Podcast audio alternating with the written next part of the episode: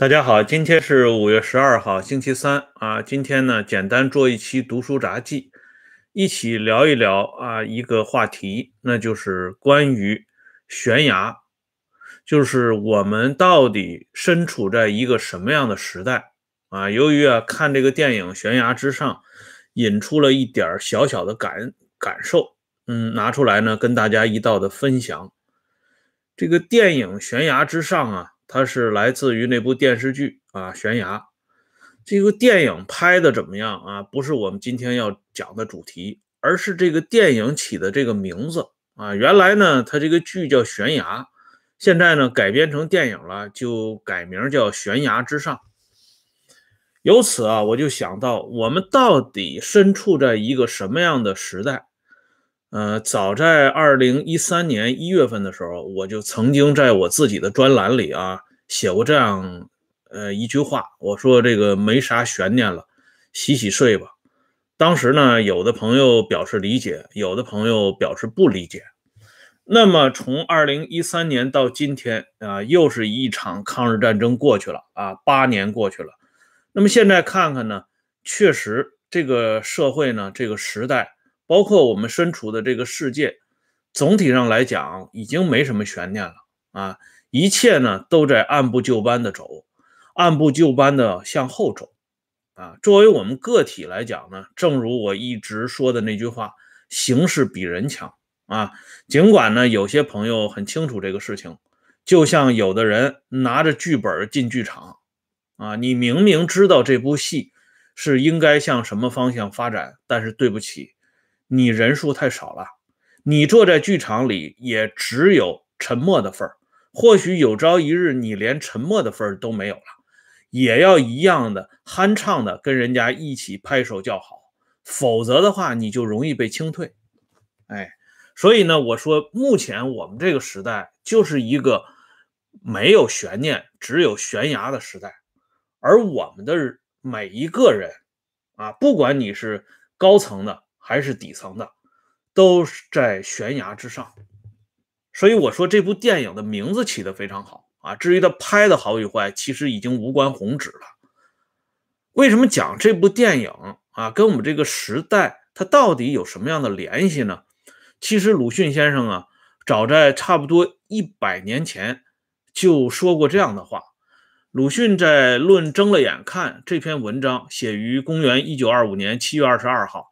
这篇文章里啊，他提到一句话，他说：“文艺是国民精神所发的火光，同时也是引导国民精神的前途的灯火，这是互为因果的。”这句话呀，我觉得说的非常到位。就是说，你这个社会、这个国家、这个文艺作品，它是一个什么样的情况？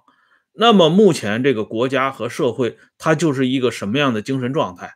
这个国家社会里的诸多个体，就是老百姓们啊，或者是芸芸众生吧，他到底是一个什么样的精神状态？哎，所以大家看一下，眼下我们这个不论是在国内还是在国外，这个文艺作品到底是一个什么样的状态？其实我们也就很清楚，我们是在一个什么样的状态下生活。应该感谢啊，这部电影的编导们。他们把名字稍稍一改之后呢，让我们头脑中、头脑之中啊，也产生一点灵光，那就是我们绝对没有想到，我们其实是都在悬崖之上啊。这部电影里边呢，展述的是一个怎么说呢？是一个呃子虚乌有的故事啊。这些人呢，拼尽移山之力啊，简直是玩了命了，就要找一个。呃，似乎不存在过的叫王子阳的人，要把这个人呢送出境，啊，其目的呢就是让这个活下来的啊证据发生啊，向全世界、向全人类展示日本侵略者的暴行。那么我想说的是，他们做的这件事的目的是什么呢？做的这件事的目的是为了。制止暴行的重新上演。那么，我们从这个戏看完之后，我们想一下，在这部戏结束之后发生的历史，也就是公元一九四二年到之到今天发生的这七十多年的历史当中，啊，我们看一看暴行是不是啊被结束了呢？啊，比这个日本侵略者更残暴的情况有没有重新出现呢？这个恐怕呢都不好用最直接的、呃最简单的语言来做定论。只是我们眼下能够看到的一个情况，就是刚刚啊发生在成都市第四十九中学的这么一个事情，啊，一个有着十七岁儿子的妈妈，在母亲节呢，呃，意外的丧失了自己做母亲的资格，而当她呢，呃，在这个公开的场合下，向社会、向这个国家。向人们大声疾呼自己的痛苦的时候，招来了种种的非议，而且这种非议呢，应该说越来越厉害啊！以前呢，我们说这个 真的猛士敢于直面惨淡的人生啊，我们现在看呢，呃，这块土地上真的猛士真的是很猛的啊，因为他们今天通过互联网告诉我们。这是一起有预谋、有计划的啊，境外的这个敌对势力啊煽动起来的这么一场预谋啊。那么还有人告诉我们呢，这是无理取闹啊。更有人告诉我们，这些闹事儿的都是唯恐天下不乱的啊。应该说呢，在瞒与瞒和骗的基础上，又被啊发扬光大了。以前这个鲁迅先生在这篇《论睁了眼的看》这文章里边呢，就提到一点，就是瞒和骗啊。他认为呢，在咱们这个旧中国啊，旧社会，万事闭眼睛，聊以自欺，而且欺人啊。方法呢，就是瞒和骗。因为啊，呃，不敢正视这个事情的发生发展。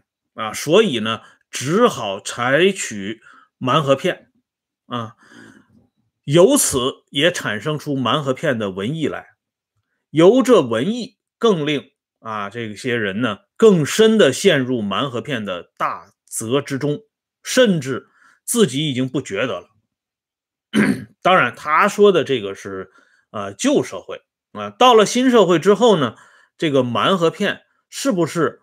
呃，仍然在一天天的满足着，既一天天的堕落着，而却又觉得日渐其光荣啊！国民性的怯弱懒惰，呃，而又狡猾，是不是又造出了新的奇妙的逃路来，而自以为正路啊？目前呢，都不得而知。只是我们看到的成都市第四十九中学发生的这一系列的事情。真的一点悬念都没有啊！今天呢，我放出来一期会员节目。这会员节目呢，就是呃，完成于这个四十九中学呃发生这件事儿的那一天，就是上周末的时候。当时啊，我在节目里就说过一句话，我说这个事儿应该没什么悬念。接下来呢，就是按部就班的进行处理。果然，真的没有悬念啊！所以。到了昨天为止，有的朋友在互联网上就提出了这么一个呃段子，他说一个学生，两个民工，三只豹子，很好的把这个社会的情况说了出来。那么从这三起貌似并不关联的事件，却有着共同的结局来看，鲁迅先生当年提出的“瞒和骗”这句话是不是过时了呢？我相信朋友们心目中都会有一个正常的答案，当然前提是你首先是一个正常的、有底线的、有良知的人啊。所以呢，以前啊有很多人一厢情愿的啊相信这个制度啊，认为这个一旦确立了好的制度，那么万事大吉啊，就像这个鲁迅先生在这篇文章里呃讲的那样。万事大吉，放心睡觉。再说废话，就有不合时宜之咎啊！其实呢，这个制度它是怎么来的呢？我个人认为，它既有这个人心，也有道德，还有信仰。我认为就这三点构建了这个制度。那么我们想一下，在一个没有信仰、缺乏道德，甚至藐视道德而人心堕落的这个社会里，或者是这片土地上，它会产生什么样的制度呢？啊，或者说呢，咱们说的更简洁一点，啊，就是说在遍地都是兵马俑的情况下。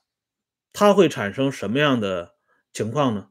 那就只能产生秦始皇，而当秦始皇出来之后呢，只会制造更多的兵马俑。那么，如果有一天啊，像鲁迅这样的老先生出来了，他试图呢给大家启蒙啊，唤醒大家内心当中的火花或者是良知，他就只有被累死这一条路，因为。大家想一想，谁家的兵马俑会思考呢？谁家的兵马俑有思想呢？你跟兵马俑去讲啊，这个未来是什么样，现实是什么样，过去是什么样，他只能被累死啊。所以这个鲁迅先生的这个例子呢，尤其他写的这篇文章，给我们的感觉，或者是留给我们唯一的教训。就是千万不要睁了眼看，只能闭上眼睛啊！以前好像有一部戏叫《天黑请闭眼》，我觉得这部戏的名字在配合“悬崖之上”的这个名字非常之搭。你在悬崖之上又没有办法改变自己的命运，那只有闭了眼睛。想想必鲁迅先生如果活到今天，我相信啊，他也写不出这样的文章。他除了这个两可浩叹之外，恐怕再也说不出什么东西了。哎，那么当这个人心、信仰和道德都出现变化的时候，不管你是什么样的制度，你多么先进的制度，曾经多么辉煌的制度，它都有崩塌的迹象，而且一定沿着这个迹象显示出裂缝越来越大。这也是一个常识，也不会有哪一个国家逃出这种常识，变成例外。所以从这个角度来讲，我们现在不论是生活在盐碱地的，还是生活在盐碱地之外的，大家其实都处在同一个时代，就是没有悬念，只有悬崖的时代。我们都在悬崖之上，这一脚什么时候迈出去，不知道。我们现在只知道的是，老辈人说的悬崖勒马，显然已经不合时宜了。非但没有勒马，反而是奋勇向前，高歌猛进。越来越多的猛士们啊，敢于直面惨淡的人生，啊，他们蜂拥而至，告诉我们未来前程似锦，来日方长，啊，所以呢，我相信这个时代。才是李鸿章当年他们所说的三千年未有之变局啊！只是呢，我们非常幸运啊，我们终于赶上了。只是不知道我们还有没有够幸运，将来过了几十年之后，我们还能够把这段历史啊说给我们的子孙来听，那就是应了伟大领袖的那句话：恐怕只有天知道。哎，所以呢。我现在看 有些这个朋友在互联网上呼唤，由于有了成都四十九中学的事情，他呼唤说：“你们赶紧把孩子带出来啊，不要在那块土地上。”我觉得这种想法呢也是非常啊滑稽的。带出来又怎么样呢？我们都在一个时代啊，没有太实质性的区别了，无非是五十步笑百步而已。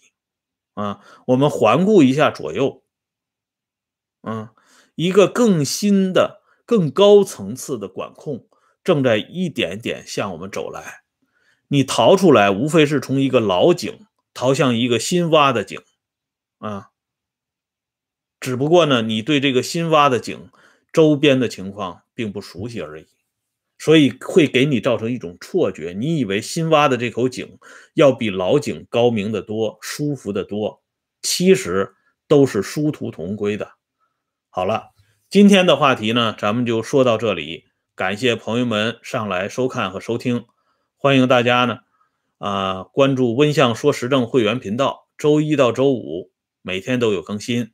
再见。